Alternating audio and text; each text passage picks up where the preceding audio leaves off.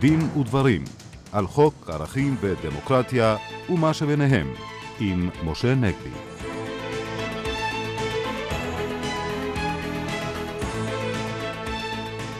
שלום לכם, דין ודברים, מגזין רשת ב' לחוק ערכים ודמוקרטיה.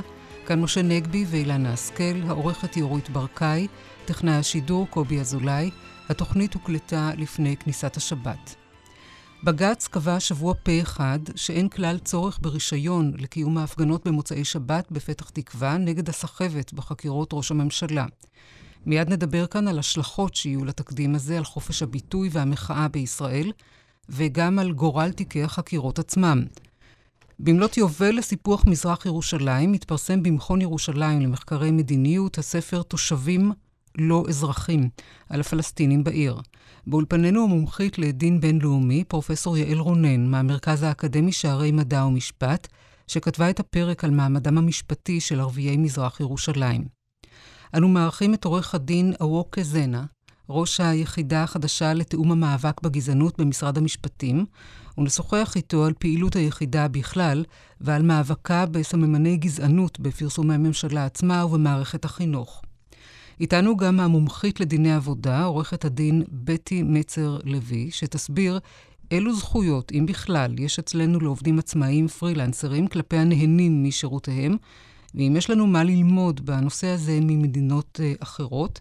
אך נפתח כאמור בהשלכות העקרוניות של פסיקת בג"ץ, שהכירה בזכות של המפגינים בפתח תקווה למחות על תפקוד היועץ המשפטי ללא רישיון. משה.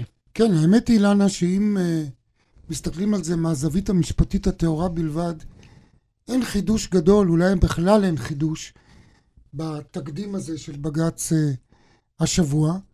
אני רוצה להזכיר, נדמה לי שכבר הזכרנו את זה בעבר, שכבר כאשר הנשיאה הפורשת של בית המשפט העליון מרים נאור הייתה עדיין שופטת שלום צעירה בירושלים, כלומר לפני שנות דור ויותר, היא נתנה פסק דין שבו היא אמרה שלצורך משמרת מחאה, שלא נואמים בה נאומים אה, פוליטיים או מדיניים ושאין בה מצעד או הליכה, שלצורך משמרת מחאה אין צורך בכלל ברישיון מהמשטרה.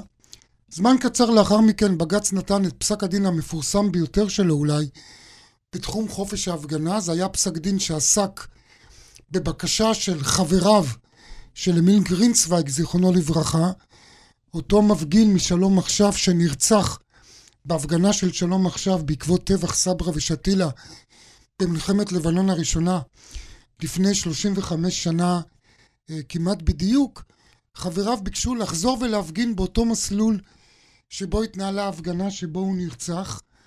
המשטרה, לאור מה שקרה באותה הפגנה, לאור הרצח, סירבה לתת רישיון, ואז בית המשפט העליון בעצם, בראשותו של השופט אהרון ברק אז, אמר את מה שנאמר השבוע בבג"ץ של ההפגנות בפתח תקווה. הוא אמר קודם כל שלמשטרה התפקיד שלה זה לא רק לשמור על החוק והסדר והביטחון, אלא גם לשמור על הדמוקרטיה בישראל. ולכן היא צריכה לראות את זה כחלק מתפקידה לאפשר הפגנות. ב', שמאחר שזכות ההפגנה היא הסתעפות, והסתעפות מאוד חשובה, של חופש הביטוי, אז כמו בכל נושא של חופש ביטוי, ואנחנו מכירים את זה כמובן עוד מבג"ץ כל העם המפורסם, מותר לפגוע בחופש הביטוי ובחופש ההפגנה רק אם יש ודאות קרובה, כלומר הסתברות גבוהה ביותר לפגיעה בחיי אדם או לפגיעה בשלום הציבור. ובג"ץ הדגיש, ועוד פעם זה מאוד רלוונטי כמובן גם עכשיו בפתח תקווה, שאתה לא יכול להגיד ודאות קרובה בלי שקודם גייסת את כל המשאבים שיש לך כמשטרה כדי למנוע את הסכנה הביטחונית. כלומר, בעצם מה שבג"ץ אמר, קודם כל המשטרה חייבת לגייס את כל המשאבים שלה כדי להגן על זכות ההפגנה, רק אם לאחר מכן, לאחר שגייסה את כל המשאבים, היא אומרת אני לא יכולה להגן על המפגינים, רק אז מותר לה להגביל או למנוע את זכות ההפגנה. ועוד עיקרון מאוד בסיסי שנקבע כבר אז, כמו שאמרתי, לפני 35 אה, שנה, ובג"ץ אז חייב את המשטרה לאפשר לחברים של אמיל גרינצוויג, זיכרונו לברכה, לחזור ולצעוד באותו מסלול ממרכז ירושלים לקריית אה, משרדי הממשלה אה, בירושלים. בג"ץ אמר לגבי העניין הזה של הפרעה לתנועה, הפרעה לתושבים, הפרעה לשכנים, בג"ץ אמר צריך לזכור, הרחובות נועדו לא רק למגורים, לא רק למסחר, עוד פעם, הם נועדו גם כדי לממש את זכות ההפגנה. ואתה לא יכול להגיד למפגינים, לכו לאיזה מקום נידח ותפגינו שם. זכותם שקולם יישמע במקום מרכזי. אז אני אומר שוב, אם מסתכלים מהזווית המשפטית הטהורה, בתקדים הזה שעשה כאלה כותרות ועורר כאלה תגובות, אין לכאורה חידוש. אבל אסור לנו לטעות, אילנה, אין ספק שיש לו חשיבות מאוד גדולה. בגלל שבשנים האחרונות המשטרה הרשתה לעצמה פשוט להשתלם מהתקדים הזה. אנחנו זוכרים את אותו מקרה שבו המשטרה מנעה מתומכי הלהט"בים או זכויות הלהט"בים לעשות מצעד גאווה בבאר שבע בגלל חשש שאנשים שמתנגדים להם יפגעו בהם. אה, אה, בהחלט דבר שעמד בסתירה לדעתי לפסיקות של בג"ץ לדורותיהם. אנחנו ראינו גם את ההתנהלות כמובן בנושא של פתח תקווה עצמה, ומה שעוד יותר חמור, גם היועץ המשפטי לממשלה גילה רפיסות בעניין הזה. אני נדהמתי, ואני חושב שגם אמרנו את זה פה בתוכניות קודמות, כשזה קרה בזמן אמת, שהיועץ המשפטי קודם כל נתן גיבוי לדרישה חסרת הבסיס של המשטרה לרישיון, למרות שכאמור מדובר פה במשמרת מחאה שלפי החוק בכלל לא טעונה ברישיון, כי אין מצעד, אין תהלוכה, אין נאומים מדיניים אה, וכולי. עוד יותר גרוע, היועץ המשפטי נתן גיבוי למעצרים שהתבררו בדיעבד כמעצרי שווא של אותם אנשים שארגנו את ההפגנה, אלדד יניב, מני נפתלי, החזקתם במעצר, העלאת כל מיני תנאים מופרכים ובלתי דמוקרטיים לשחרור ממעצר, כמו שאנשים לא ייכנסו לפתח תקווה למשך חודש וכיוצא באלה. עצרו אותם ואזקו אותם. כן, גם אזקו אותם, נכון, אילנה? ואני רוצה לומר, דברים שפשוט לא יעלו על הדעת בשום uh, מדינה דמוקרטית מתוקנת. היועץ המשפטי לממשלה מעל בכך, לדעתי, בחובתו גם כלפי שלטון החוק, ושלטון החוק זה קודם כל שאוכפי החוק, המשטרה, תכבד את החוק, ב' כלפי זכויות האדם, כמו שאמרנו, חופש הביטוי, חופש ההפגנה, גילה רפיסות מקצועית וערכית ומוסרית, הייתי אומר, בתפקוד שלו. הייתי אומר שבאופן אירוני הוא חיזק את החשדות של אותם אנשים שמפגינים נגדו, שהוא רואה את עצמו יותר כפרקליט השררה ואנשי השררה וגופי השררה מאשר פרקליטו של הציבור, שהציבור הוא בעצם הלקוח של היועץ המשפטי לממשלה. ולא השלטון. אה, אה, ומהבחינה הזאת טוב שבג"ץ העמיד אותו במקומו, את היועץ המשפטי. אבל הדבר הכי חשוב בהחלטה הזאת, בעיניי, ופה אולי זה גם פרשנות, אני מודה, אישית שלי, אבל ככה אני רואה את הדברים, אני חושב שבהחלטה הזאת, בנחרצות שלה, פה אחד שבג"ץ אמר, לא צריך רישיון, ואין למנוע את ההפגנה, אלה במקרים מאוד נדירים באמת של אלימות, וכולי, בעצם בג"ץ עוטה איתות מאוד חיוני שהוא לא מפחד מהשלטון. יש לנו פה מסע שנמשך כבר כמה שנים, שלדעתי הוא לא מקרי, הוא מכוון, להפחיד את הבג"ץ, לגרום לו לצנזר את עצמו, ליצור לו דה-לגיטימציה כגוף פוליטי כביכול, גוף שמאלני וכולי. עכשיו, אני לא מנתק את המסע הזה מהחקירות נגד ראש הממשלה, ושוב זה מחזיר אותנו לנושא ההפגנות. דווקא על רקע הרפיסות שדיברתי עליה של היועץ המשפטי, זה די ברור שבסופו של דבר, בשורה התחתונה, מי שיקבע אם ראש הממשלה יעמוד לדין, על מה הוא יעמוד לדין בדיוק, האם הוא יצטרך לפרוש באיזשהו שלב, ובאיזה שלב הוא יצטרך לפרוש בעקבות החלטות להעמיד אותו לדין, מי שיקבע בזה בסופו של דבר זה יהיה הבג"ץ. ולדעתי כל מסע הדה-לגיטימציה בעצם נועד במידה רבה להרתיע את הבג"ץ מלקבל החלטות בנושא הזה שהן כמובן מאוד קרובות לליבו אה, של ראש הממשלה של צמרת השלטון, של מפלגת השלטון וכולי. והיה מאוד חשוב לדעתי שפה דווקא הרכב בראשות הנשיאה החדשה של בית המשפט העליון, אה, השופטת אה, אסתר חיות, העביר מסר, אנחנו לא מפחדים, תגידו מה שתגידו, אנחנו נחושים להגן על זכויות אדם, על שלטון החוק, על שלטון החוק בשלטון, וזה בעיניי עיקר החשיבות של ההכרעה אה, של בג"ץ, למרות שכאמור אין בה חידוש משפטי מאוד מרעיש. וכעת מילות פרידה מעורך הדין אמנון זיכרוני. כן, אני כמובן אתייחס מאוד בקיצור.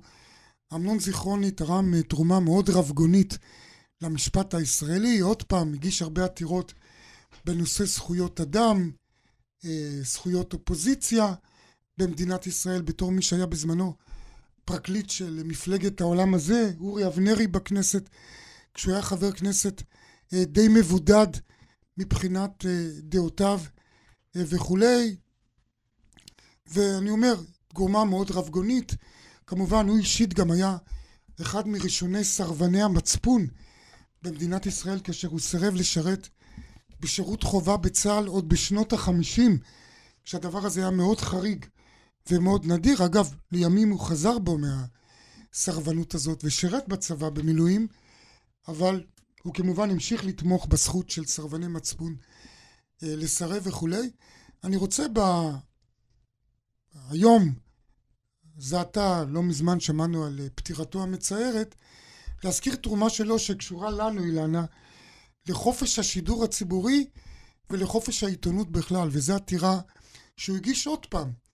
באותה תקופה שהתייחסנו אליה קודם, לפני כ-35 שנה, בתחילת שנות ה-80, בנושא של האם גוף שידור ציבורי, או גוף שידור בכלל, או גוף תקשורת בכלל, יכול להחרים מרואיינים בגלל הדעות שלהם. זה בג"ץ שגם נקרא זיכרוני נגד רשות השידור.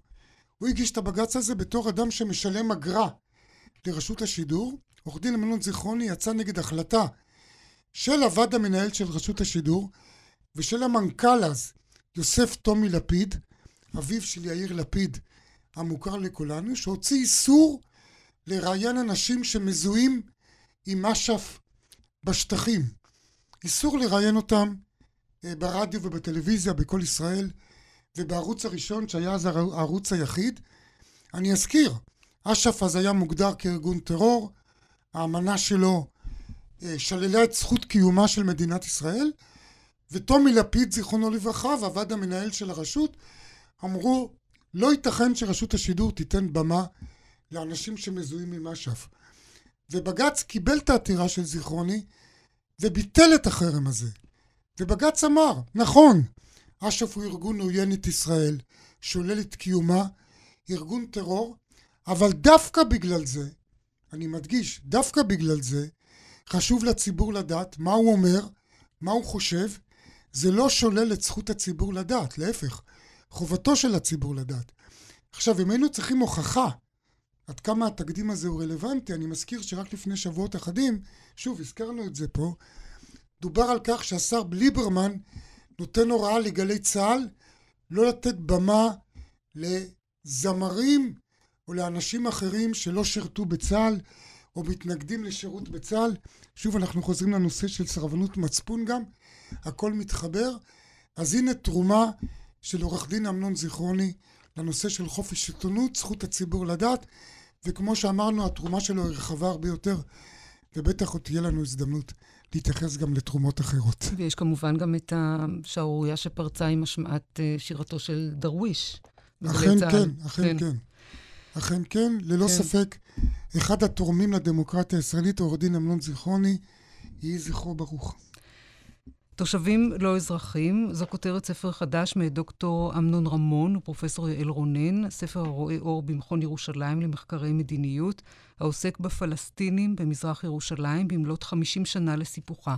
פרופסור יעל רונן, מומחית לדין בינלאומי מהמרכז האקדמי שערי מדע ומשפט, עד כמה היעדר האזרחות הישראלית פוגע בזכויות של התושבים הפלסטינים בירושלים? אמ, אני חושבת שתלוי מאיזה צד מסתכלים על זה, כיוון שהתשובה הפשוטה שהייתי אומרת, הבעיה היא לא האזרחות. רוב, הדבר העיקרי שמשפיע על מעמדו של אדם, על היחסים שלו עם המדינה, זה התושבות שלו. מה שנגרם ממנו כתוצאה מכך שהוא איננו אזרח, זה בעיקר הזכות לבחור ולהיבחר, וחופש הכניסה למדינה. ואם להודות על האמת, לא זו הבע... הבעיה העיקרית. ביחסים בין מדינת ישראל לבין הפלסטינים במזרח ירושלים, לא זו הבעיה הקיומית של הפלסטינים במזרח ירושלים. הבעיה היא שהתושבות היא לא ממש תושבות. נקודת המוצא היא שהזכויות האזרחיות, הזכויות החברתיות, הכלכליות של אדם, מוקנות לו או, או עומדות לו ביחסים עם המדינה על בסיס היותו תושב. המדינה מחויבת כלפי אזרחיה בכל החירויות, החירות לחיים ול, ולביטחון הפיזי, ולחופש הביטוי, ולחופש התנועה, ולביטחון סוציאלי, ולעבודה, ולחינוך, ולכל הדברים האלו, כלפי כל מי שתושב בשטחה. וכש, ותושבי מזרח ירושלים, הבעיה היא שהם לא נהנים מהזכויות האלה, על אף העובדה שהם תושבים, וזה עד כיוון שהתושבות שלהם היא בעצם מאוד מעורערת. היא, היא על תנאי. בעצם מה שאת אומרת, בפרק המאוד מרתק שאת כותבת בספר שהזכירה אילנה, תושבים לא אזרחים, שהתושבות תלויה על בלימה, וגם יש כל הזמן חוסר ודאות בדיוק מה דורש או מה נדרש מאותו פלסטיני במזרח ירושלים כדי להיות תושב. למשל, הייתה תקופה שהוא יכול היה לעזוב את מזרח ירושלים, לעבור לגדה או למקום אחר, והוא נשאר תושב. לאחר מכן פתאום אמרו, אם אתה נעדר תקופה מסוימת, אתה מאבד את מעמדך, וכולל כל אותן זכויות שדיברנו עליהן, ביטוח לאומי, ביטוח סוציאלי אה, אה, וכולי. אולי באמת תדברי או תתארי לנו את התהפוכות האלה שהן גם, זה לא תמיד גם אפילו מעוגן במשהו כתוב, אלא זה לפעמים גחמות כמעט, הייתי אומר, של שינוי מדיניות אה, וכולי. נכון. אז למעשה, אה, מה שקרה זה שכאשר אה, מדינת ישראל סיפחה את מזרח ירושלים, היא סיפחה את השטח, ולא רק היה ברור מה לעשות עם התושבים. וכמו הרבה דברים, החליטו לא להחליט. לא, פשוט לא קרה כלום. המעמד שלהם לא הוסדר באופן פורמלי בשום שלב. אגב, זה ו... לגיטימי בכלל, כי מוזכר בספר דבר מאוד מעניין, שבאותה ישיבת ממשלה שדובר על סיפוח מזרח ירושלים, אחד השרים, אם אני לא טועה, מרדכי בן טוב, ממפלגת מפ"ם בשעתו, אה, אמר שלדעתו, אם מספחים את מזרח ירושלים, חייבים לתת אה, לתושבים לא רק תושבות, אלא גם אזרחות זה לא נעשה כמובן. אז, אז באמת היום אנחנו אומרים, ו- וזה היה נכון גם לפני 50 שנה, אי אפשר להפריד בין השטח לבין תושביו. אם מספחים שטח, מספחים גם את התושבים. אבל, אבל לא עשו את זה בעצם. נכון, אבל, אבל המשמעות היא לא שמחייבים, לא, לא צריכה להיות שכופים עליהם את האזרחות. וצריך לזכור שהתושבים הפלסטינים במזרח ירושלים לא היו מעוניינים באזרחות כן. ישראלית. היום, האם היום זה עדיין נכון, זאת שאלה טובה, אבל אז בוודאי שהם לא היו מעוניינים באזרחות ישראלית, ולכן טוב שלא כפו עליהם. אבל גם לא נתנו להם אופציה השאלה, אוטומטית. אבל יש אופציה להתאזרח, והשאלה עד כמה היא אופציה ריאלית, זאת גם שאלה טובה. בפועל קשה מאוד להתאזרח. את אומרת שרק שישה אחוז בעצם... מהתושבים ביקשו אזרחות. נכון, אבל זה לא אומר ש... וגם לא כולם קיבלו. נכון, אבל זה, השאלה זה האם אחרים רצו ולא הצליחו, או שאחרים לא רצו, וזה באמת כן. משהו שהוא משתנה. אמ, אבל כאמור, להיות תושב זה, זה יכול להיות דבר לא רע בכלל, ויש הרבה מדינות בעולם שבהן יש אוכלוסיית תושבים גדולה. זה לא נחשב מצב רצוי, אבל זה לא בהכרח מצב איום ונורא. אמ, ובעצם היום שבו התברר מה מעמדם של תושבי מזרח ירושלים היה בסוף שנות ה-80, כשמישהו שהיה תושב ירושלים ועזב בילדותו, ואחרי 20 שנה, ועזב לארה"ב, התאזרח שם. מובארק עוואד, רצה לחזור, להיכנס לשטח, ואומרים לו, לא, אתה לא יכול, אתה תושב. תושב זה סטטוס שמותנה בכך שאתה תהיה בשטח. עזבת את השטח, אתה לא פה כבר 20 שנה, זהו, די, נגמר. אתה צריך להוכיח שבעצם ירושלים היא מרכז חייך. זה, זה המצב היום, אבל עקרונית, כן. תושבות ככלל, זה מצב ש... זה סטטוס שמחזיקים בו על סמך נוכחות בשטח. אתה לא בשטח, אין בעיה. אמ, עכשיו, ההחלטה הזאת, אמ, בעצם נאמר שם, במילים כמעט מפורשות, תושבי מזרח ירושלים הם כמו זרים שהשתקעו בישראל. אנחנו רואים אותם כתושבי קבע, כמו מישהו שהחליט שהוא רוצה לגור בישראל, קיבל אשרה, ישב פה, אחרי כמה זמן קיבל תושבות קבע, אותו דבר. אמ, וזה, וזה למעשה הסטטוס שלהם זה כמעט נכון להגיד שזה הסטטוס שלהם עד היום. הם כמו זרים שהשתקעו בישראל. אבל הם ילידים. למעט העובדה שהם לא זרים, בדיוק, זה בניגוד לאדם שבא למדינה ואומר, אני רוצה לחיות פה בקרבכם ואני מקבל על עצמי את התנאים ומתאים לי, לא מתאים לי, פה המדינה באה אל האנשים והודיעה להם, עכשיו אתם חיים בשטח שהוא שלנו, אתם, אה, נראה איך, אה, איך זה מסתדר. אה, ובאמת, במהלך השנים היו עליות וירידות במה המשמעות של התושבות המותנית הזאת. אה, למשל, הייתה תקופה, שזו הייתה תקופה קשה ביותר, שבה במשרד, באמצע שנות ה-90, משרד הפנים בעצם יצא בקמפיין לאתר אנשים שעזבו את השטח ולשלול להם את התושבות, או להפקיע להם את התושבות, באופן אקטיבי. בעצם על כמובן... סמך אותו בג"ץ שהזכרנו, של מובארק עוואד. כן. בדיוק, על סמך אותו כלל.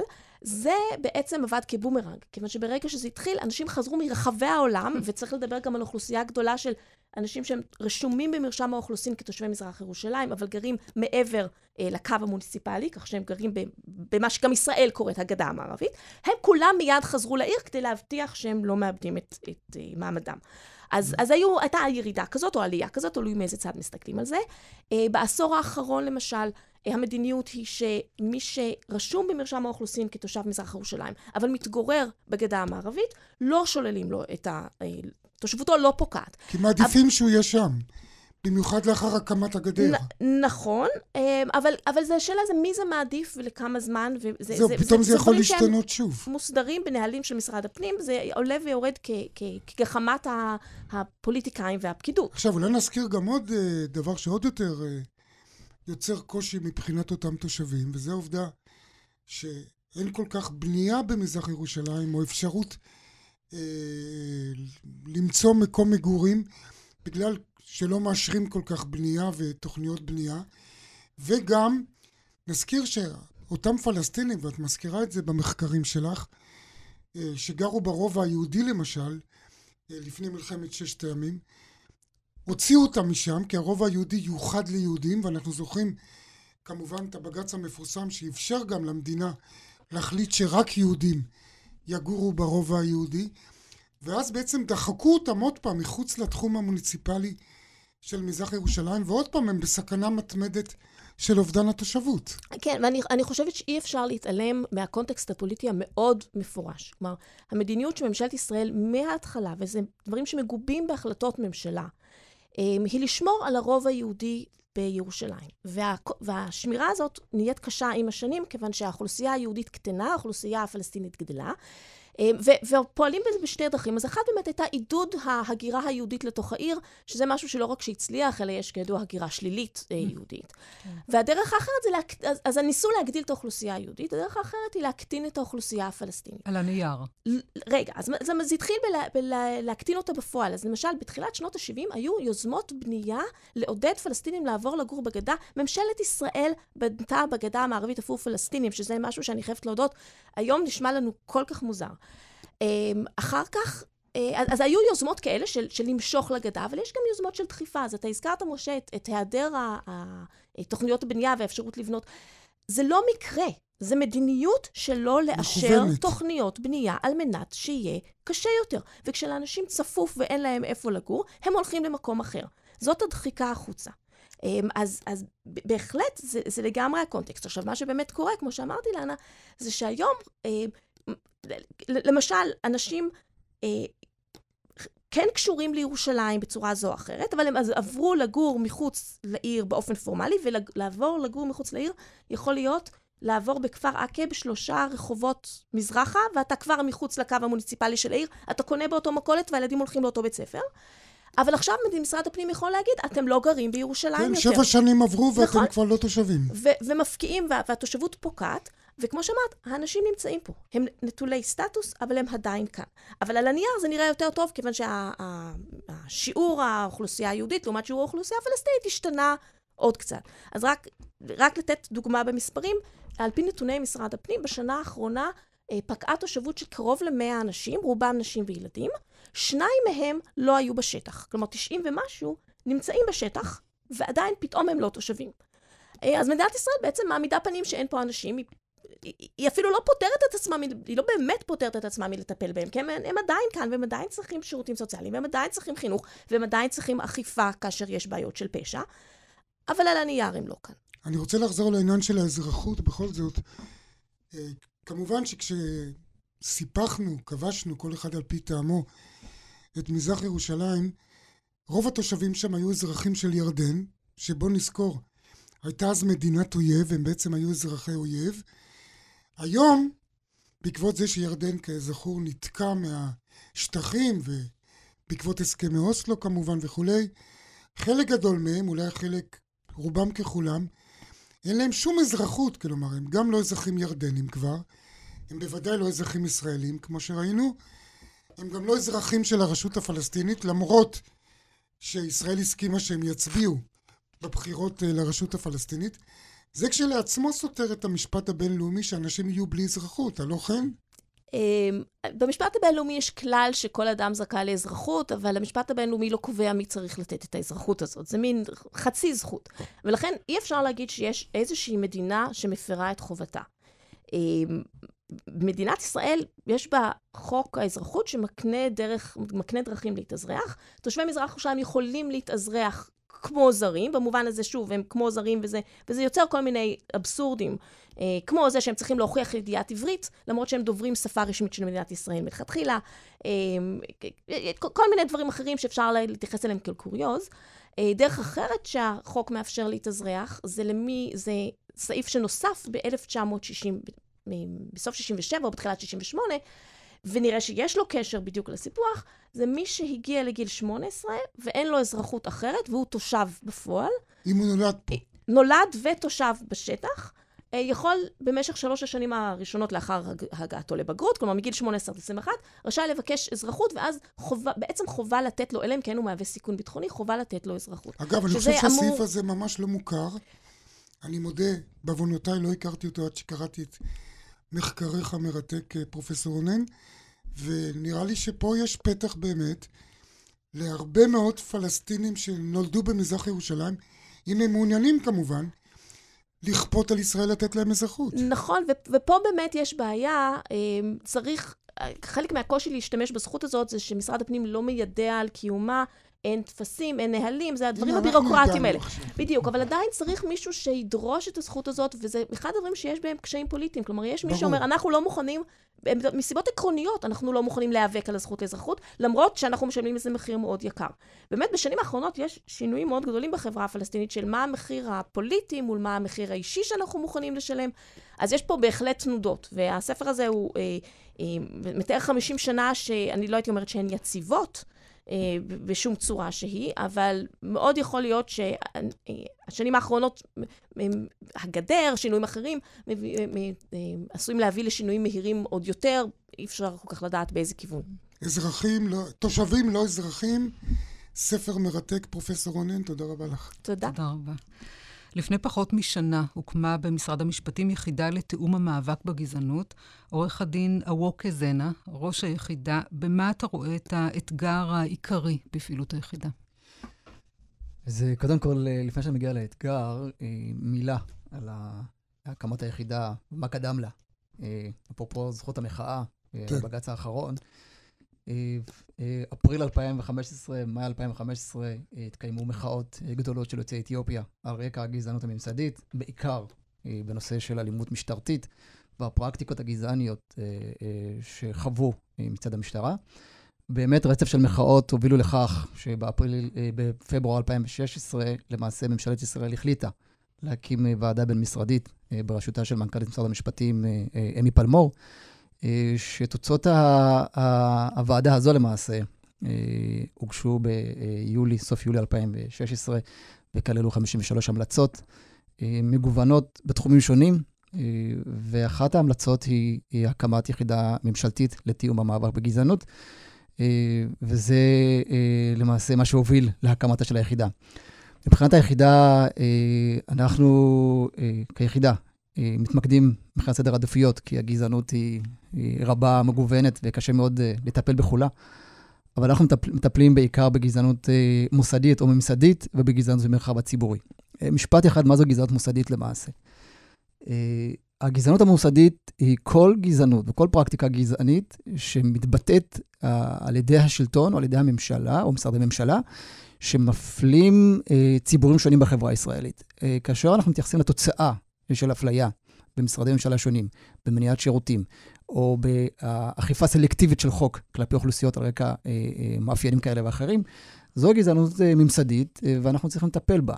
המרחב הציבורי אני באופן אישי, וגם כיחידה, אנחנו רואים חשיבות לכך שכל אזרח במדינת ישראל יחוש בטוח להתהלך חופשי במרחב הציבורי, לממש את זכות התנועה שלו, וזה שני התחומים שאנחנו עוסקים בהם.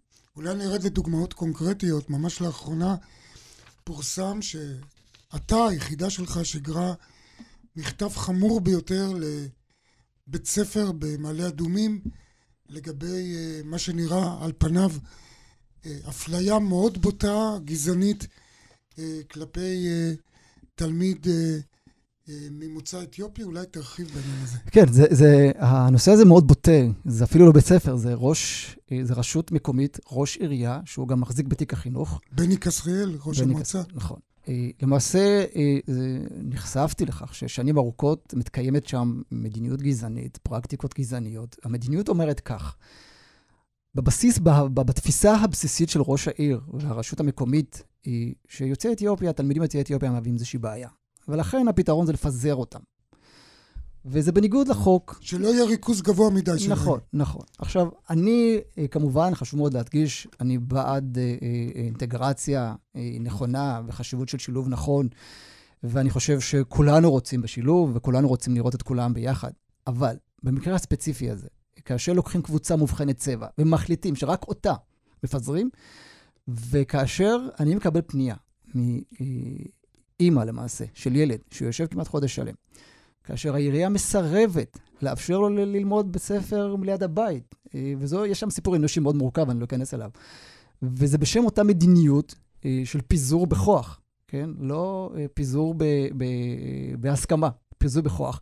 זו מדיניות גזענית, שאומנם אנחנו טיפלנו בנושא הנקודתי הזה, אבל אנחנו ממשיכים לטפל. זה בעצם מה שקראו בגולן נומרוס קלאוזוס ליוצאי אתיופיה במערכת.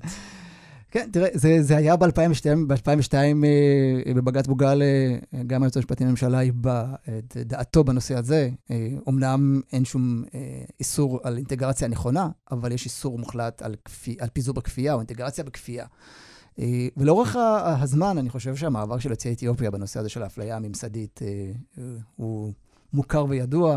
ראינו מה היה בפתח תקווה, באור יהודה ובמקומות נוספים שבהם באמת מערכת החינוך, אה, רשויות מקומיות גם כמי שאחראיות על אה, אה, מסגרות החינוך של תלמידים ברשות המקומית, מפלות באופן שיטתי את יוצאי אתיופיה, ואנחנו מקווים, ואנחנו די נחושים לפעול בנושא הזה. אולי נגיד, המקרה שאתה הזכרת, המקרה הזה במעלה אדומים, הוא צורם במיוחד גם, כי לאותה אימא הייתה בעיה שילד עם צרכים מיוחדים, ולכן היה לה חשוב שהוא ילמד ליד ביתה, באותו בית ספר שראש מועצת מעלה אדומים לא רצה לאפשר את הלימודים שלו, כדי שאחות הבכורה שלו תוכל לקחת אותה, תוכל לקחת אותו לבית הספר, ואפילו בנסיבות האלה המנהל התעקש על אותו מרכאות נומרוס קלאוזוס, שלא יהיו עוד, חלילה עוד יוצא אתיופיה אחד בבית הספר.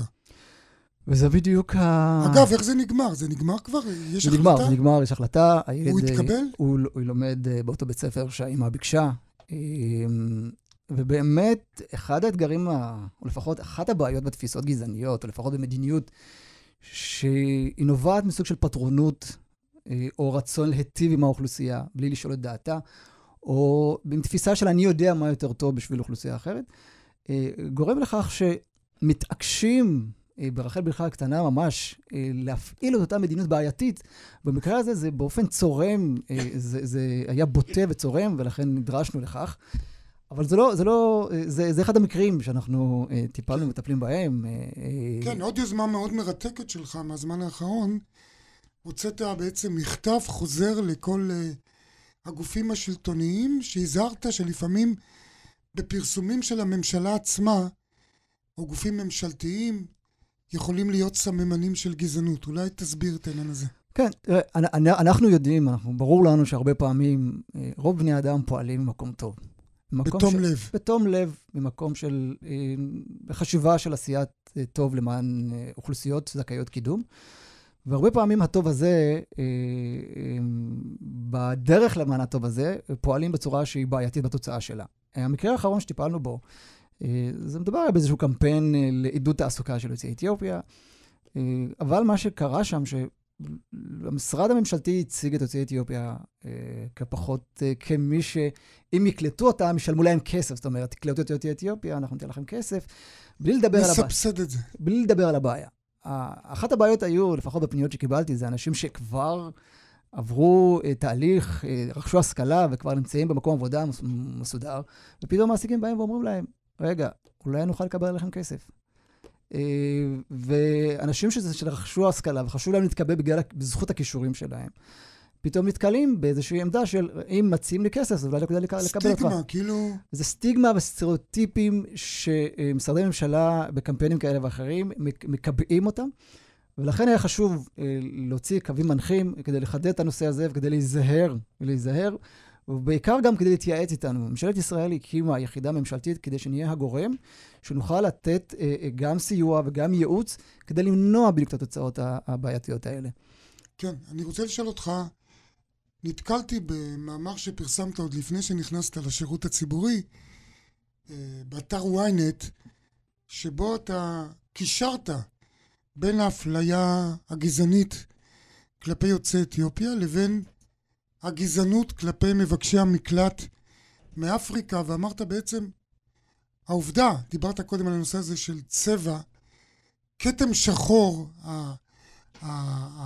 ההשתייכות של יוצאי אתיופיה ושל מבקשי המקלט מאפריקה לקבוצת מיעוט היא כמובן מאוד בולטת בגלל צבע עורם, אמרת אי אפשר להילחם בגזענות כלפי יוצאי אתיופיה בלי להילחם גם בגזענות כלפי מבקשי המקלט מאפריקה, שאגב, הגזענות כלפיהם בולטת, כך ציינת, גם בהשוואה ליחס למבקשי מקלט ממדינות אחרות, אנשים בעלי צבע עור בהיר וכולי. אתה בעבודה שלך כרגע ביחידה נתקל גם ב... או אתם מתעסקים גם בתלונות על גזענות כלפי מבקשי מקלט שחורים ובכלל? אנחנו לא קיבלנו ולא מטפלים בבקשות כאלה כיום. אני רק רוצה לחדד ולומר שההתייחסות שלי במאמר ההוא, מ-2012 נדמה לי, כן. זה בהסתכלות של הממד האנושי. וכשאתה מסתכל על הממד האנושי של אנשים שאני חושב שעברו תהליך ייסורים מאוד ארוך בהגעה שלהם למדינת ישראל, קשה מאוד היה להתעלם ממה שחווים בארץ. ובאותה תקופה גם היו כל מיני, כל מיני אירועים אה, שיוצאי אתיופיה חוו. אה, למשל, היה את הסיפור בקריית מלאכי, שדיירים התארגנו וערכו חוזה, הסכם ביניהם למנוע מיוצאי אתיופיה לגור לידם.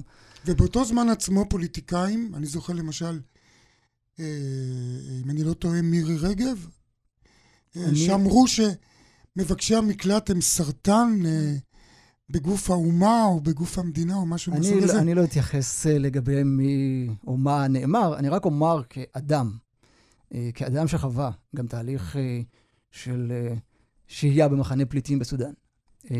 וכמי שעבר את התהליך הזה, לא פשוט לחיות במדינה כמבקש מקלט. ואני, נתקלנו בסדרה של אירועים, שאחד האירועים הקשים ביותר, שמזעזעים אותי עד היום, זה היה אירוע מאוד קשה של ילדה של מבקשת מקלט, אה, קרקו מולוקידן, ילדה בת שנה וחצי שהתקשורת אה, לא, לא עסקה בזה יותר מדי זמן, שאדם, אה, מרדכי זרצקי, הגיע לתחנה המרכזית בתל אביב ונעץ מספריים בראשה, תינוקת בת שנה וחצי. כאשר הוא מסביר את העמדה שלו בכך שהוא שונא שחורים, ושהוא שונא שחורים כי הוא גר בקרבת יוצאי אתיופיה. אה, ולכן הרבה מאוד אירועים אה, שקרו באותה תקופה, והטיפול הלא נכון אה, בנושא הזה, בממד האנושי שלו, לפחות גרמו לי לחשוב שאולי צריך להביע איזושהי עמדה. אבל אנחנו נמצאים בנושא מאוד מורכב, המאבק בגזענות הוא נושא מאוד מורכב, שמצריך שיתוף פעולה. בוא נזכיר שגם יש גזענות, שאני מבין שגם היו לכם תלונות בנושא הזה, בכל התחום הזה של קבלה לעבודה של חרדים. של ערבים? אולי יש לך איזה דוגמה כן, קונקרטית? כן, אני, אני אוכל לומר שב, שאנחנו אנחנו מקבלים פניות אה, לא רק של יוצאי אתיופיה, אה, ברור. גם של ערבים אה, ישראלים. ושל חרדים. של חרדים. אה, אחד המקרים של, של חרדי שפנה אלינו, זה היה חרדי ששלח אה, קורות חיים למקום עבודה ממשלתי, אה, קורות, קור, קורות חייו, אה, וקיבלו, הזמינו אותו לעבודה, וכשראו איך שהוא לבוש, אמרו לו לא תודה. אה, והנושא הזה נמצא בטיפול, בטיפול של נציבות שוויון הזדמנויות בעבודה. אבל שראו. אותו לבוש שחור, נכון, עוד פעם, לבוש שחור. לבוש שחור, כן. עם, ה... עם כל מה שמאפיין כן. חרדי, ולכן היום הנושא של המאבק בגזענות הוא מאוד מורכב ומצריך הרבה מאוד מומחיות בנושא הזה. ו... ואם יורשה לי, אני חושב שאחד האתגרים הגדולים ביותר, ופה גם החשיבות של דוח פלמור, אני חושב שזה רק הצהרה, זה לא רק הצהרה של לעשות משהו, אלא יש כאן כוונה, והיום הדוח מיושם ברובו. אה, אני אזכיר רק את אחד הדברים החשובים שקורים היום, זה מינוי של אה, משרד, ממונים משרדים למניעת גזענות במשרדי ממשלה, ב-19 אה, משרדי ממשלה שונים. ויש טיפול בנושאים של הבעייתיות עם יחסי משטרה-קהילה, החל מנוהל הזדהות, והסדרה של נוהל הזדהות, שכרגע זה נמצא אצל המשנה ליועץ המשפטי לממשלה. אני חושב שיש הרבה מאוד עשייה אה, כדי לא להשאיר את דוח פלמור ואת המאמצים של, של הממשלת ישראל אה, ל, אה, כתקווה בלבד, אלא כמציאות, ואנחנו נמצאים בסדר יום חדש במובן הזה. אה, ולשמחתי הרבה, אני חושב שמשרד המשפטים, היועץ המשפטי לממשלה וגורמים רבים, או גורמים מקצועיים, אה, נותנים אה, יד למאבק בגזענות. אה, פרקליט המדינה אמר כמה וכמה פעמים שה... שהמטרה שלנו זה למגר את הגזענות, היועץ המשפטי לממשלה התבטא. ומשפט אחד בנושא של profiling אה, אה, במשטרת ישראל. profiling. נכון. זה, זה, זה מה שהוציא למעשה את יוצאי אתיופיה לרחובות. אה, העובדה שבמרחב הציבורי, יוצאי אתיופיה לא יכולים להתהלך חופשי, בלי שוטר יטריד אותם וידרוש מהם הזדהות. Uh... ושוב, כנ"ל מבקשי מקלט uh, מאפריקה. נכון, כן. נכון. כן. Uh, אבל, uh, ו- ופה הייתה חשיבות, אחת ההמלצות הייתה להסדיר אה, בנוהל כתוב מתי לשוטר מותר לפנות לאדם ברחוב ומתי לא. אה, זה די נמצא בטיפול. אני מאוד מקווה שהגורמים המקצועיים במשרד המשפטים ייקחו את הנושא הזה ברצינות ויפעלו לתקן את המצב הזה אה, אה, כדי שנוכל אה, להתהלך חופשי במרחב הציבורי. ולא רק זה, אה, אני מזמין את הציבור לפנות אלינו ליחידה, אפשר להגיש תלונות בנושא של הגזענות אה, קיימת בחברה הישראלית, במרחב הציבורי, גזענות ממסדית, ואנחנו נטפל בזה, אנחנו שם, אנחנו ערוכים, ואנחנו מוכנים לכך. יישר כוח, בהצלחה. וכעת אלייך המומחית לדיני עבודה, עורכת הדין בטי מצר לוי. האם לעובד עצמאי, מה שנקרא פרילנסר, יש זכויות כלשהן והגנה משפטית כלפי מי שנהנה מעבודתו, או שהוא חשוף לחלוטין לגחמות המעסיק? אז למעשה, באמת ההגדרה של אה, פרילנסר, או בהגה העברית משתתף חופשי, אה, היא שטח אפור לחלוטין. אה, בשנת 2009 נעשה ניסיון באמת אה, בהצעת חוק משתתף חופשי לבוא ולהגדיר את התחום האפור של מצב הביניים בין עובד שכיר לבין עצמאי, כי פרילנס הוא לא בדיוק עצמאי והוא לא בדיוק עובד קלאסי, ולמעשה היה ניסיון אה, של הגדרה, שאולי ההגדרה קצת מלמדת אותנו על האופי של פרילנסר. ההגדרה שהוצעה אז בזמנו בהצעת החקיקה ב-2009 היא להגדיר בעל מקצוע. מקצוע או בעל ידע מיוחד שהתקשר בחוזה עם מזמין לשם ביצוע עבודה אישית שלא על בסיס קבוע, ושלפחות 75% מהכנסתו הקבועה היא מאותו מקום עבודה. אה, אנחנו יודעים בפועל שנושא המשתתף החופשי הוא לא מעוגן בחקיקה. היום עובדים, גם עובדים וגם מעסיקים, גם הפרילנסרים, עושים שיקולים שהם שיקולים בעיקר לטווחי זמן קצרים. זאת אומרת, הרבה מאוד פעמים נקודת הפתיחה ההשתכרותית של פרילנס, היא תהיה בשיעור יותר גבוה מאשר עובד שכיר שיתחיל באותה עבודה. אבל הפרילנסר לא לוקח בחשבון את החובות שלו כלפי המוסדות, כלפי המוסד לביטוח לאומי, כלפי מס הכנסה. שהוא לא צריך לא... לממן את הכל בעצמו. ממש כך, והוא לא לוקח... הפנסיה שלו. הוא לא לוקח בחשבון את העלות הפנסיונית. לצערי, מדינת ישראל מאוד מפגרת בחקיקה ובהסדרה של זכויות. אנחנו כן רואים שבמדינות העולם השונות, במדינות אירופה, החקיקה הותאמה למצב המשתנה בתחום יחסי העבודה, לעולם העבודה הגמיש. הרבה מאוד עובדים, הרבה, הרבה מאוד עובדים שאני פוגשת שהם אה, במעמד של פרילנסר,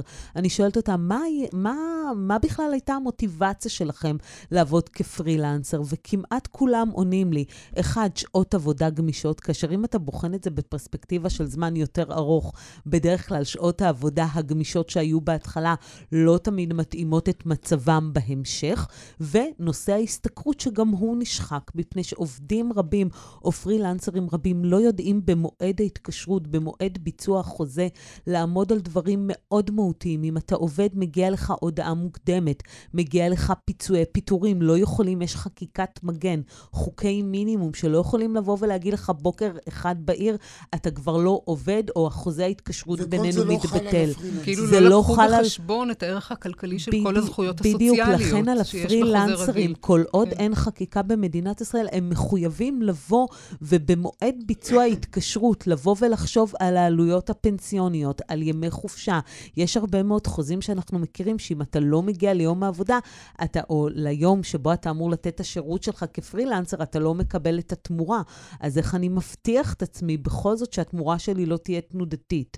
נושא ההודעה המוקדמת הוא גם נושא מאוד חשוב. נושא התשלום, שוטף פלוס פלוס פלוס. אין לנו פה אה, את מועד קבלת השכר כמו עובד שכיר, ולמעשה אלה סוגיות מאוד כבדות משקל שמשפיעות ביום-יום על המצב הפיננסי וגם על הביטחון התעסוקתי והסוציאלי של הפרילנסרים. את בעצם אומרת לנו, עורך דין אה, בטי מצר לוי, שעדיף לפרילנסר לשקול, אולי לא כדאי לו להיות פרילנסר. אלא להיות עובד, כמו שאמרת, לשקול את השיקול לטווח היותר ארוך, או על כל פנים לדרוש תנאים מסוימים בחוזה שלו, שייתנו לו איזה שהם זכויות, כי החוק כשלעצמו לא מגן עליו. אבל בואי לא נתעלם מזה, ומי כמוך יודע את זה, את גם עמדת, נזכיר למאזינים, בראש האגף לאיגוד מקצועי של הסתדרות העובדים הלאומית, כך שאת מכירה את המציאות בשוק העבודה, שהפרילנסר הוא בעמדה מאוד נחותה, כי היום השוק הוא שוק של מעסיקים, והוא פוחד שאם הוא ידרוש יותר מדי דרישות, או יתנה יותר מדי תנאים, פשוט יש עוד עשרה כמוהו שמבקשים לקבל את אותה עבודה או את אותה מטלה. אז איך אנחנו מתמודדים עם המצב האובייקטיבי הזה? היית מציעה אולי שגם פרילנסרים יתארגנו כמו שעובדים יתארגנו? אז תראה, למשל בגרמניה, יש uh, בהגנות כלפי פרילנסרים, אפשר לעגן זכויות של פרילנסרים בהסכמים קיבוציים. מדינת ישראל עדיין רחוקה מהעניין הזה, אבל אני, אני מסכימה שהרבה מאוד מהפרילנסרים חושבים ומאמינים שיש להם תחליף זמין, ולכן הם לא מתעקשים uh, בזמן ההתקשרות על קבלת התנאים. אבל אני חושבת שיש כן תנאים שהם תנאים עיקריים, כי בסופו של דבר, גם המעסיק יש לו איזשהו אינטרס לקחת את אותו פרילנסר. פרילנסר ולקבל את השירות.